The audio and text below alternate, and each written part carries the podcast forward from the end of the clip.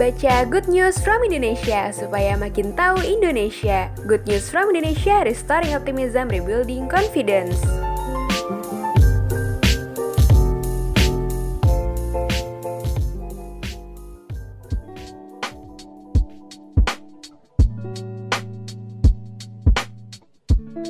Indonesia adalah negara dengan keberagaman kuliner, tak terkecuali jajanan tradisionalnya.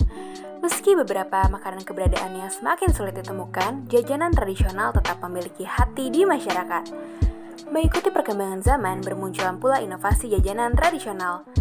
Jajanan tradisional seolah naik kelas karena memiliki nilai jual yang lebih tinggi. Yuk simak beberapa jajanan tradisional yang kini naik kelas. Yang pertama ada kue cubit. Kue cubit merupakan jajanan khas Betawi yang umumnya dijajakan oleh pedagang kaki lima.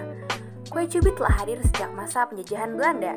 Jika sebelumnya kue cubit hanya memiliki rasa original, coklat dan pandan, sekarang kue cubit telah berinovasi dengan memiliki beragam rasa seperti green tea, bubblegum, taro, tiramisu, red velvet, biskuit, marshmallow, coklat batang, dan masih banyak lagi. Kira-kira jajanan apa lagi ya yang kini naik kelas? Yuk baca artikel selengkapnya di www.goodnewsfromindonesia.id.